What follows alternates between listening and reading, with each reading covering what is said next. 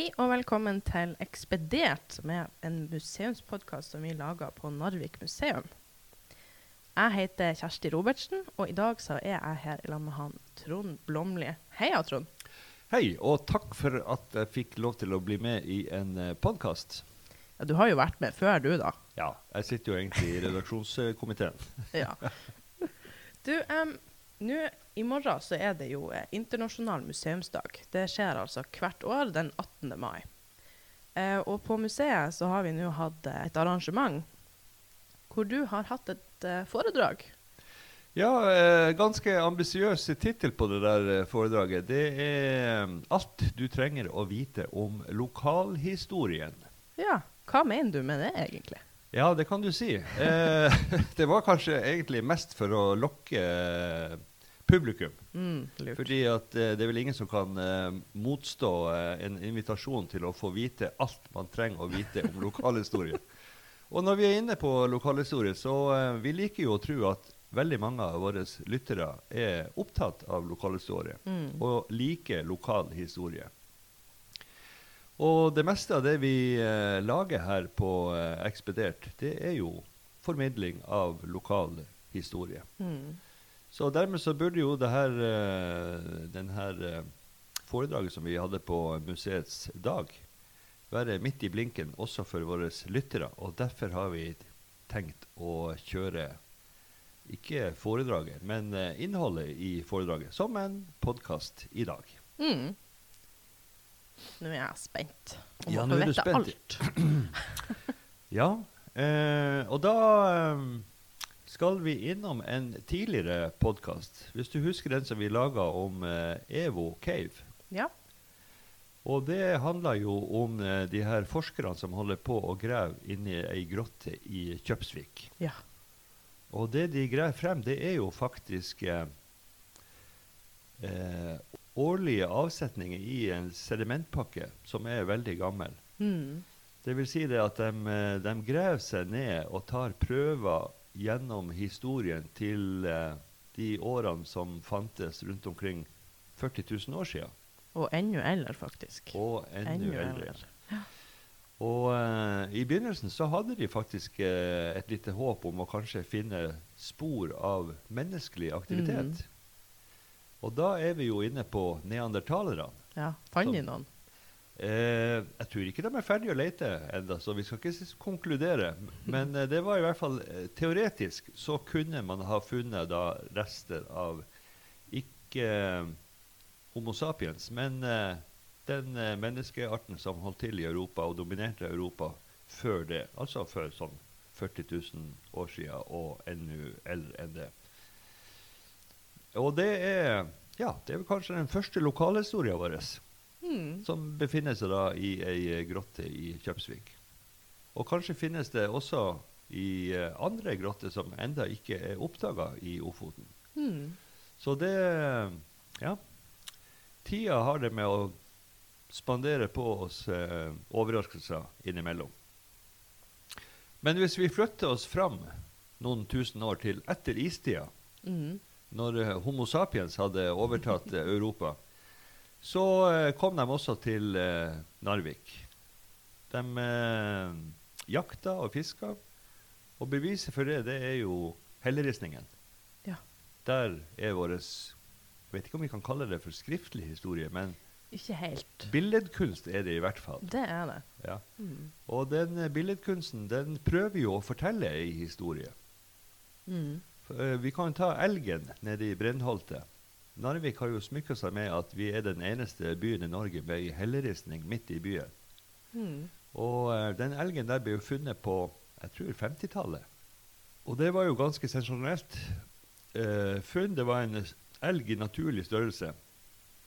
Datert tilbake til eldre steinalder. Ja. Av folk som jakta elg.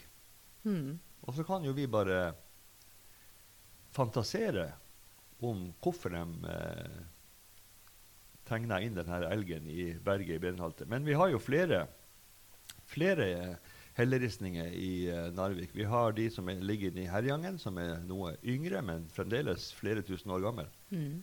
Så har vi de som ligger inne på uh, Forskjelv i Skjomen, som også er yngre enn den elgen. Men mye mer sånn, eh, hva man skal si, kunstnerisk utført. Der har du putta inn, eller der har jegerne putta inn symboler og eh, geometriske mønstre og forskjellige. Og også tegna inn en eh, mann som står i en eh, båt og fisker etter kveite.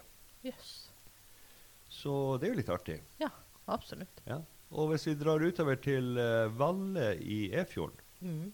fortsatt i Narvik kommune, så eh, er det også der eh, ja, ganske høyt over dagens havflate, høyt oppe i lia faktisk, på noen berg der. Der har man tegna inn ei nise, en spekkhogger, en bjørn og en stor båt.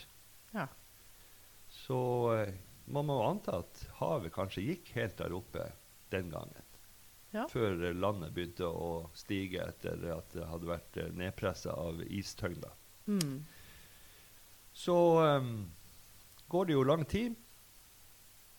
Eh, vi antar jo at lokalhistorier blir formidla fra eh, bestefar til barnebarn Mm. rundt bålet Ja. i eh, ja, flere tusen år.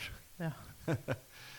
Eh, og så Den første som, eh, som skriver ting om eh, Ofoten, det er faktisk han Snorre som sitter borte på Island på 1200-tallet og skriver ned det han har hørt. Mm. Og da er det bl.a. i kongesagaen så er det eh, skildringer av eh, folk som bor i vårt område. Ja. Blant annet så er det jo en eh, tronarving som eh, for å få kongekrona i Bergen dreper en annen tronarving. Og får da eh, masse folk etter seg som skal ta hevn. Han flykter da nordover Mhm. og gjemmer seg i ei hule ute i fjorden her. Ja. Og eh, når han kommer, så søkker han skipene sine, så ingen skal finne ut hvor det er han har gått i land. Så på våren så må han eh, få noen til å bygge nye skip. Og da står det at eh, da tok han kontakt med samene som bodde lengre inn i fjorden. Mm. For de var flinke båtbyggere. Og eh, de bygde eh, båter til eh, han og folkene hans. Og det står da at den var eh, satt sammen med eh, skinnreime. Ja, så den var, det var en sydd Sydd En båt, ja. sydd båt, Ja. ikke, ikke med klink, altså. Nei. Men fortsatt så heter det klink. Ja. Søm. Ja. Så det er fra den gamle tida da man sydde båtene i hop, Mm. altså bord på bord. Og det, den her båten står det at den kunne seile fra alle andre. Mm. Så da vet vi at det bodde folk her, Mm. og vi vet i hvert fall at de var flinke til én ting, og det var å bygge raske båter. Ja. Stilig. Ja, det er stilig. Og så kommer jo, eh, så kommer jo svartedaud og uår, og det er jo mange som mener at eh, øyjord egentlig er øydejord. Ja. Altså en av de gårdene som eh, ble helt eh, folketom etter svartedauden. Mm. Og det er jo rett på andre sida Robaksfjorden. Mm. Um, danskene kommer og overtar uh, administrasjonen av Norge. Mm. Og de sender jo etter hvert opp prester og uh, fogder, skatteoppkrevere, som da begynner å notere ned hvor folk bor, og hvor Mm. mye de skal betale i skatt. Ja. Så de første skriftlige kildene vi har, det er jo da egentlig en sånn skatteliste Ja.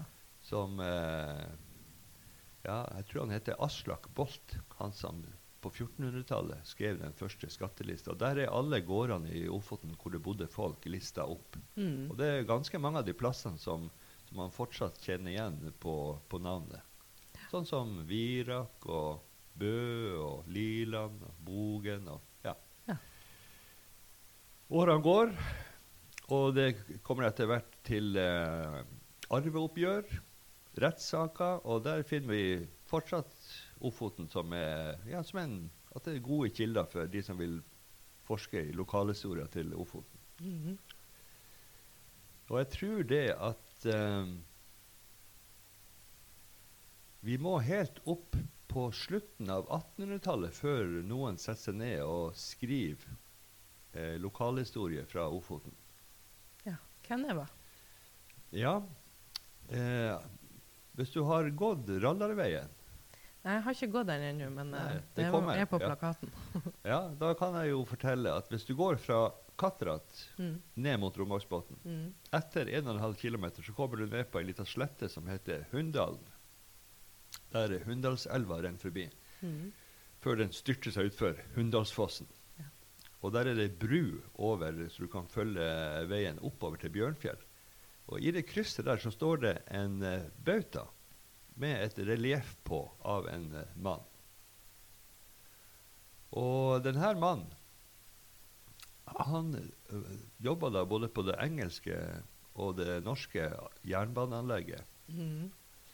Han kom fra Sogn og uh, gifta seg etter hvert i Narvik. Men uh, etter at han var ferdig på det her anlegget, så satte han seg ned og så skrev han historien til det første anlegget.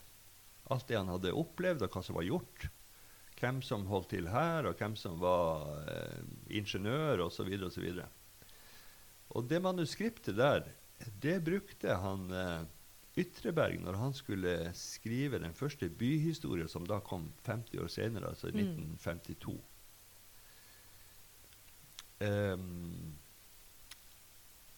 og så er det jo eh, et spørsmål hvor han eh, Ytreberg fant de andre kildene. fordi at han, når han skrev Narvik bys historie, så måtte jo han gå atskillig lenger tilbake. Så da skrev han jo bl.a. om familien Mosling som holdt til på Fagernes. Når Mm. de kom dit, og hvordan det gikk med dem etter hvert. Og flere andre ting. Jeg tror til og med også han har med seg elgen i Brennholtet, for da var jo den helt ny. Ja. Og da kan vi eh, tusle litt videre i historien. Vi har jo hoppa forbi han Snorre Sturlason. Mm. Så kommer vi til en som heter Amund Helland. Han var geolog, egentlig. Eh, og så eh, var han litt nysgjerrig på eh, hvorfor ikke Norge hadde en sånn geografisk eh, beskrivelse, altså som beskrev hele landet. Mm. Så han eh, starta et arbeid allerede på 1870-tallet. Jøss. Samla inn eh, stoff til eh, de bøkene som han skrev eh, bl.a. om Nordlands amt Mm. eller i dag Nordlands fylke. Han skrev ned det meste han kom over av gamle sagn, kulturminner, levesett, jakt, fiske, bergverk, bosetting og næringsliv. Eh, så det er en veldig god kilde for de som er nysgjerrig på lokalhistorien vår. Der finner du litt av hvert. Eh, også på slutten av 1800-tallet så var det ei som het Inga Bjørnson, som var i nær slekt med han eh, dikteren. Mm. Bjørnstjerne Bjørnson. Eh, og hun hadde et søskenbarn som var gift med prosten som heter Jakob Andersen på Evenes. Eh, og der var hun en hel sommer.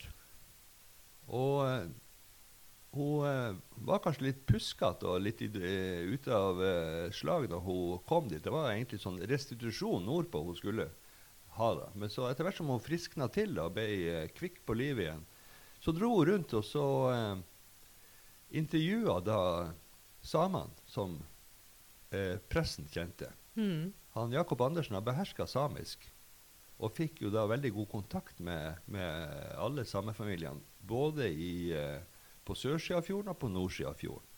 Mm. Og uh, brukte å høre deres historie, som da var muntlige overleveringer fra gammelt av. Sagn og forskjellig. Så hun skrev det her ned. Og sånn er det at hun Buksberit, som vi også har hatt en episode om, Ja. dukker opp for første gang eh, i et eh, nedskrevet, da, som er Ehm, Og hun eh, det her eh, Historien som hun hørte, de fikk hun skrevet ned og gitt ut som bok. Sånn Mm. fortellinger fra Ofoten. Eh, og når vi nå er inne på den samiske historien, så kan vi ikke hoppe over han Henrik Kvandal, som levde da mellom 1865 og 1950 i Ballangen. Han skrev ned av dem samenes historie i Ofoten. Og det er senere blitt fulgt opp av arkeologer og historikere med lokal tilknytning og interesse for temaet. Eh, vi har en som heter Knut Kolsrud, som ikke har eh, noe tilknytning til eh, Narvik eller Ofoten. men som var student i Oslo. Og han, eh, av ukjent årsak, ble veldig interessert i finnefolket i Ofoten. Så det er da tittelen på en oppgave som han skrev, og som senere ble bok. 'Finnefolket i Ofoten'. Eh, og som er en, da en viktig kilde for å eh, kjenne til eh, samisk historie og deres eh, historie i Ofoten. Så har du han eh, Johan Albert Kalstad fra Hamarøy, som også har skrevet mye. Eh, så har du eh, professor Alf Ragnar Nilsen, som har skrevet om samene i Ofoten. Og han eh, professor emeritus Lars Ivar Hansen om samiske fangstsamfunn og hvordan de eh, samhandla da med de nordnorske høvdingene altså, på, i middelalderen. Mm. At det der var et gjensidig avhengighetsforhold. Og eh, eh, han eh, Jeg tror han Alf Ragnar Nilsen som skriver det, at flere av de her samene som da var avhengig av handel med høvdingene Når høvdingene flytta over til Island på 800-tallet, Mm. så ble de med. Ja. Slik at du har også samiske boplasser på nord på Island. Mm. Og som eh, eksempel, Du hadde jo den islandske presidenten som heter Vigdis Finnbogadottir. Mm. Hun hadde jo da navnet fra en sånn her plass, Finnbogen, Mm. nord på Island. Em, så har vi han Oddmund Andersen som jobber på Arran. og Han har skrevet om grenselosing under krigen, Mm. hvor samene hadde en uh, viktig rolle. Og så har vi han eh, kulturminneeksperten og arkeologen Arne Håkon Thomassen, som er fra Ankenes, egentlig, men som også jobber på Arran, og som har brukt mye tid på å studere samiske kulturminner rundt omkring i Ofoten. Gamle offerplasser og andre steder som det ligger historie til. Ja, og han Oddmund Andersen han skrev jo da eh, sin hovedoppgave i arkeologi ved Universitetet i Bergen i 92 om Ofotagat, om samer og nordmenn i Ofoten. Hvis vi um, skal eh, hoppe litt videre fra 1800-tallet, så kommer vi til 1920. Mm. Da er det da en uh, Hans Eidnes på Trondenes folkehøgskole som begynner å gi ut et uh, hefte med lokalhistorisk, lokalhistorisk stoff fra hele landsdelen. Også da fra Sør-Troms og Ofoten og Lofoten og Vesterålen. Og det heter Håløygminnet. Og det har kommet ut jevnlig helt siden da. Nå er det jo kanskje hans barnebarn som har overtatt stafettpinnen. Mm. Disse heftene er jo da en, også en viktig kilde for de som vil vite noe om eh, lokalhistorie fra Ofoten. For han, eh, han tar jo med eh, et mangfold av tema og artikler. Fra alt fra beskrivelser av oldtidsfunn til moderne byutvikling i Nord-Norge. Um, jeg nevnte i sted han Nils Andreas Ytreberg, som ble engasjert for å skrive Narvik bys historie. Da var jo byen bare 50 år. Mm. Um, men uh, man var jo veldig stolt av byen fordi at den hadde vokst så raskt og var blitt så stor på så kort tid. Og så eh, var den jo full av folk fra alle andre plasser enn Narvik. Så det var jo et samfunn som kanskje ikke hadde de sterkeste røttene til omlandet sitt. Men i alle fall, han var historiker, han Ytterberg. Og han ble engasjert til å skrive Narviks historie fra de tidligste tider. Så det kom ut to bind, ett i 1953 og ett i 1954. Og de bøkene de finner man jo da lettest på Narvik bibliotek, Mm. sammen med Håløygminnet. Så eh, kanskje inspirert av de her eh, byhistorier, så fikk du da ei arbeidsnemnd, som det ble. Altså kommunen oppnevnte ei nemnd som skulle jobbe for å etablere et Ofotentun og et Ofoten historielag. Eh, de begynte å kartlegge gamle hus og bygninger som de kanskje skulle lage sånn à la Hvis noen har vært på Maihaugen, så er jo det en sånn eh, ja, ideal for uh, å vise fram uh, gammel byggeskikk og forskjellig. Mm. Ehm, det gikk dårlig med det bygdetunet. Jeg tror de samla inn bygg, men eh, de fant aldri noen plass å sette det opp. Det ble aldri enighet om eh, et areal som kunne brukes til det. Så jeg tror kanskje at de her eh, bygningene som de hadde Det var jo gamle Lafta-hus, så det var jo mulig å ta dem fra hverandre. Så ble de lagra, og så kanskje jeg tror jeg de råtna opp der de ble lagra. Så de ble aldri realisert som et bygdetun. Ja, det var synd. Men de ga i hvert fall ut to hefter. Mm. Det siste i 1969.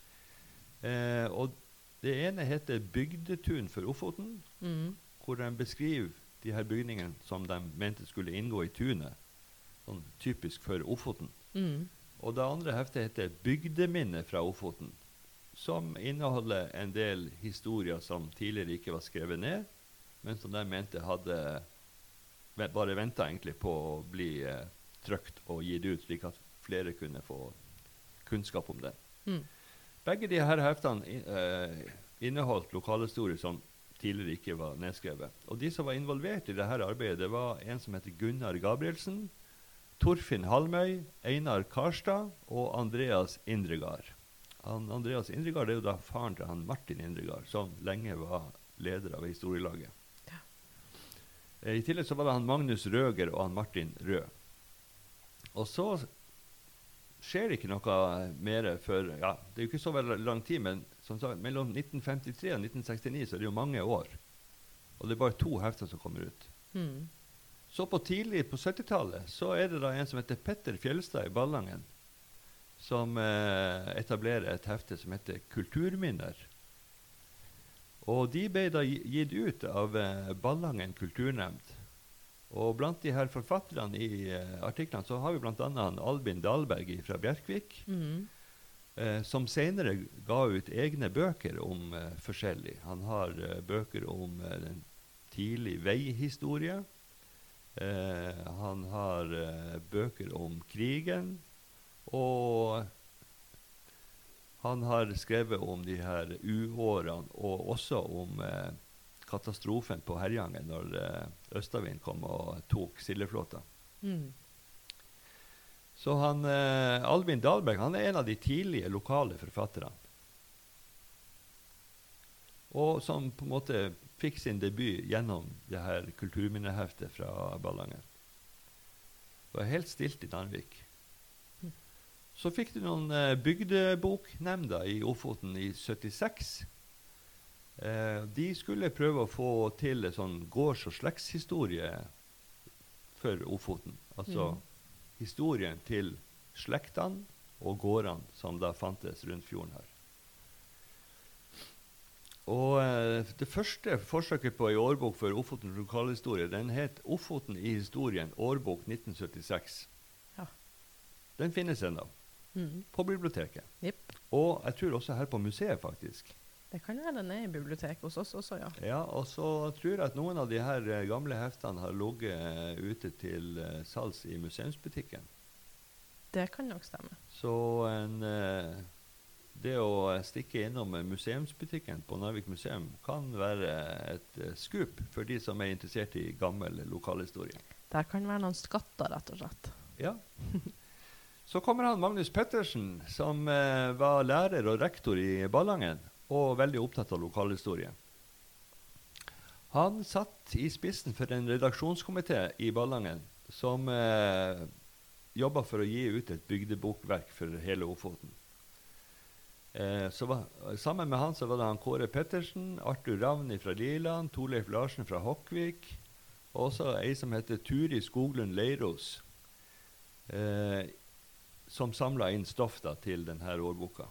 Hun var formann i Evenes bygdeboknemnd, og en av de første damene som etter hun Inga Bjørnson med eh, sterk interesse for lokalhistoria i Ofoten.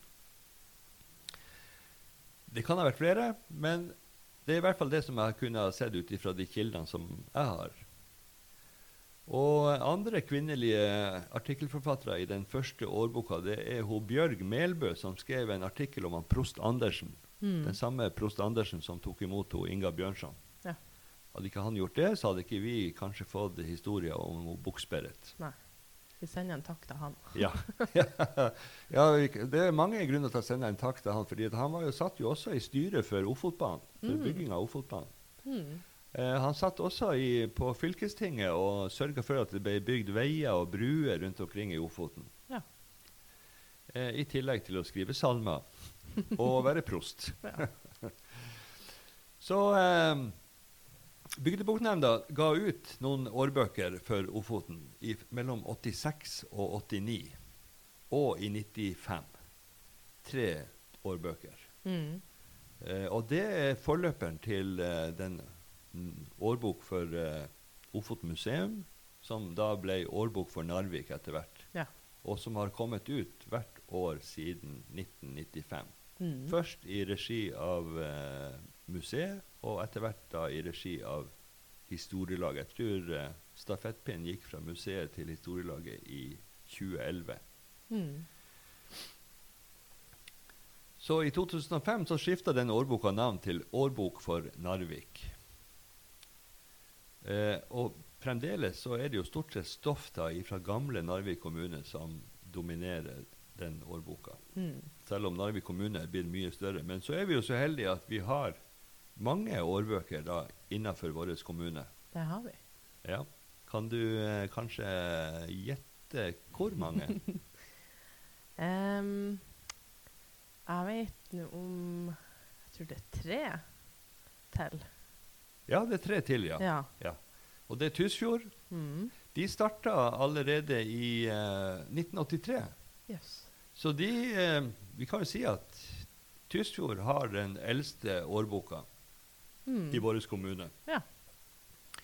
Redaksjonen sitter i Kjøpsvik, og det er da lokalhistorielaget i eh, tidligere Tysfjord som er, som er ansvarlig for å samle inn stoff og gi ut de, den årboka. Mm. Eh, Ildsjelene for eh, årbok for Tysfjord i 1983 eh, det var han Ernst Skogvold, Kurt Solberg, som senere ble rektor på skolen, nå Mhm. pensjonist, Hildegunn Pedersen, som enda er aktiv, og som har skrevet ned historier til å boksperet flere plasser, nå senest i årbok for Ballangen. Ja.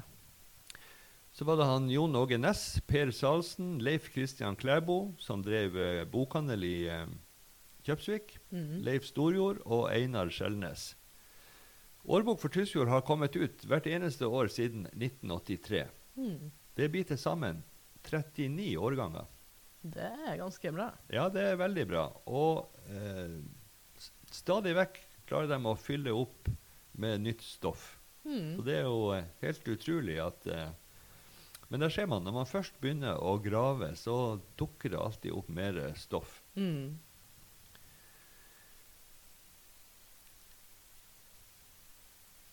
Årboka for Ballangen den kom ut første gang i 1999. Mm. Og Da var det en som heter Sverre Samuelsen, som var leder av redaksjonskomiteen. Og Han fikk god hjelp i å samle stoff fra han Ivar Skoglund, som var kultursjef og skolesjef, og også har vært ordfører. Og også har gitt ut eh, flere hefter med lokalhistoriske bilder etter fotografen Charles Ravn, Mm. som holdt til i Kjellbotn, og som brukte mye av tida si, da er vi altså før krigen, eh, for rundt og fotograferte med sånne glassplater. Ja. Eh, veldig god kvalitet på de bildene, veldig skarp. Og han fotograferte rundt omkring i Kjellbotn, Ballangen, når han var på besøk i Narvik. Mm. Alt som han syntes var interessant, det tok han bilde av. Ja. Gjerne, gjerne med folk. Mm. Så det er jo det som er fantastisk, at, uh, at eh, han har fotografert så mye folk i en periode da folk flest ikke hadde fotoapparat. Mm. Så det er jo en liten kulturskatt som eh, er ivaretatt der. Absolutt. Så på 2000-tallet så er det Ballangen historielag som overtar og gir ut årboka i Ballangen. Og nå er det han Terje Benjaminsen som er leder av historielaget og årbokredaksjonen i Ballangen. Mm. Og ja. De her forskjellige historielagene de har jo stort sett det samme formålet. Det er å samle og synliggjøre folkets og kommunens historie. Og Mm. fremme interessen for slekts- og lokalhistorie. Og ikke minst kulturvern. Altså ta vare på det vi har av ja, flotte bygninger, Mm. minnesmerker, plasser. Altså Ting og som det knytter seg historie til, som folk har et Ja. Det er jo gjerne sånn at et sted som har ei historie, har også noen som eh, har omsorg for det stedet. Mm. Så kommer vi til årbok for Sjomen. Ja. Første gang utgitt i 2012 med en redaksjonskomité bes, bestående av ho Marie Almås, Sigrun Hoel Djupvik, Trygve Sandvik, Edvard Solvang, Paul Almås, Finn Olsen, Svein Lindgren, Tor Grønvoll, Stein-Viggo Jacobsen og Oddvar Lidjevak. Og i år så er det altså tiårsjubileum for eh, eh, I år blir det faktisk I fjor var det eh, tiårsjubileum. I år blir det altså den 13. utgaven av Årbok for Sjomen. Og de har heller ikke noe problem med å fylle heftet sitt med nytt stoff hvert år. Mm. Så um, de her årbøkene de får oss jo til å pense inn da på eh, historielagene. Mm. Og det at du oppretter et historielag, det betyr jo at du kanskje mener at du har en historie som bør bevares og formidles. Mm. Og i fjor så fikk vi et nytt historielag, nemlig Bjerkvik historielag. Ja vel. Så nå har vi altså i Narvik har vi Ofoten slekts- og historielag. Så har vi Bjerkvik historielag i uh, Bjerkvik. Mm. Så har vi Årbok for Skjomen, som på en måte fungerer som et historielag i Skjomen. Mm. Så har vi historielaget i Ballangen. Og så har vi historielaget i Tysfjord. Ja. Så um, i forhold til tidligere tider, hvis vi går tilbake til 50-tallet, så er det altså mange flere i dag som er opptatt av å ta vare på lokalhistoria, Mm. og også formidle det. Innimellom så dukker det opp andre ting som, som er fullt på høyde med, med årbøker og andre ting, nemlig eh, bøker som har et lokalhistorisk tema. Han, eh, per Helge Berg, som var journalist i Fremover, han Mhm. ga ut eh, flere bøker som heter Gatelangs. Kjenner du til dem? Nei, det kan jeg ikke si at Nei. jeg gjør, men jeg er også ny her. Ja, du. du er jo det. eh, han eh, satte seg som mål å gå alle gatene i Narvik og skrive opp alle historiene til alle husene Ja. i gaten. Så eh, det begynte jo da først med ei bok Mm. som tok kanskje de viktigste gatene. Men eh, de her ble så populære at folk krevde at ja, vår gate skal også være med. og hvorfor har du ikke skrevet om det huset? Og, Mm. ja. og sånn røy det da på, slik at til slutt så ble det tre bøker eh, utgitt av eh, trykkeriet til Fremover, tror jeg. Der Ja. hvor han jobba. Mm. Eh, og det heter da Gatelangs 1, og Gatelangs 2 og Gatelangs 3. Og til sammen så er det alle gatene i eh, Narvik på Halvøya og bortover til Skrenten og Kvitsandøra og Mm. Fagernes, Holmen. Så, og der har han gått inn i arkivet til kommunen og så funnet historier til eh, hvem som bygde huset, og hvem som har bodd i huset, og om det er spesielle historier knyttet til akkurat det huset. Mm. Så det er jo et skikkelig oppslagsverk for de som eh, er interessert i å vite hvor deres forfedre bodde, og hva, Mm. hvem det var som bygde huset de bor i. Ja. selv om byen ble bomba i 1940, så var det jo veldig mange hus som overlevde bombinga. Og Mm. som Det er spennende for de som kommer uh, flyttende òg, hvis de flytter inn i et, Et gammelt hus, ja. ja. ja, Så kan de slå opp, og så kan de se om det er noe spennende som har foregått. eh, Absolutt. Absolutt. absolutt. Så har vi han eh, Edvard Olav Forskjelv, som kom fra den plassen hvor de uh, helleristningene på Forskjell ligger. Mm. Han var av gammel lærerfamilie. Uh, og han uh, Før han ble fylkeskonservator for Nordland, Mm.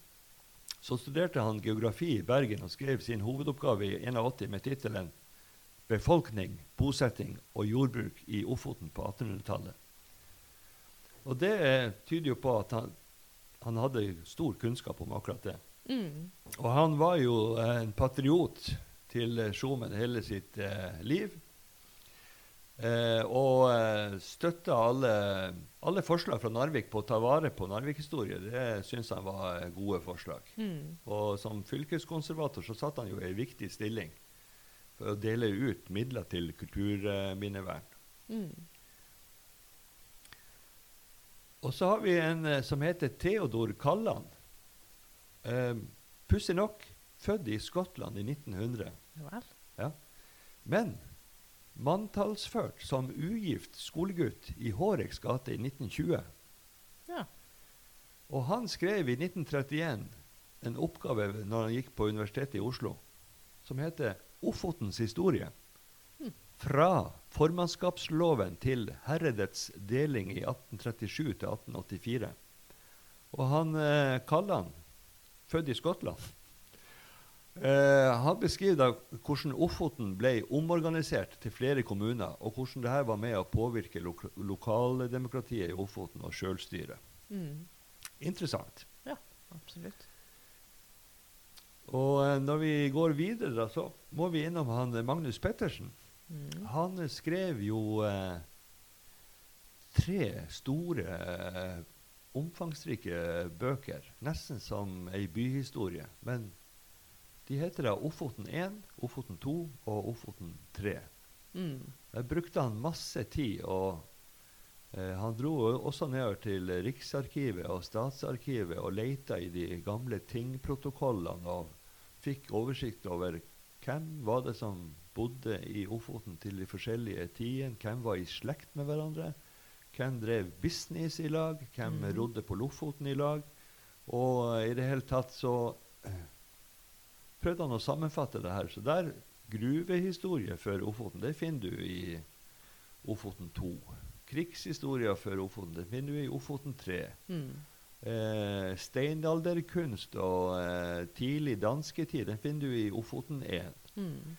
Så for eh, de som er interessert i lokalhistorie, sånn som alle våre lyttere, Mm. de bør eh, anskaffe seg denne boka. Den er enda å få kjøpt nede i museumsbutikken her, tror jeg. Ja, men jeg tror ikke vi har mer av nummer én. Jeg tror det er Nei, bare to nummer og tre. én, to og tre, ja, men to av tre er jo ikke så dårlig, da. Nei da, det er bra. Ja, da har jeg gått igjennom mye av det som jeg hadde på eh, foredraget om alt du trenger å vite om eh, lokalhistorie. Mm. Nå har vi jo gått gjennom en god del av kildene. Mm. Eh, så har vi en veldig stor eh, kilde som er gratis og lett tilgjengelig for alle de som har en eh, telefon eller en PC som eh, går på nettet. Mm. Der skriver du inn nasjonalbiblioteket.no. Det er vel nb.no nå, tror jeg.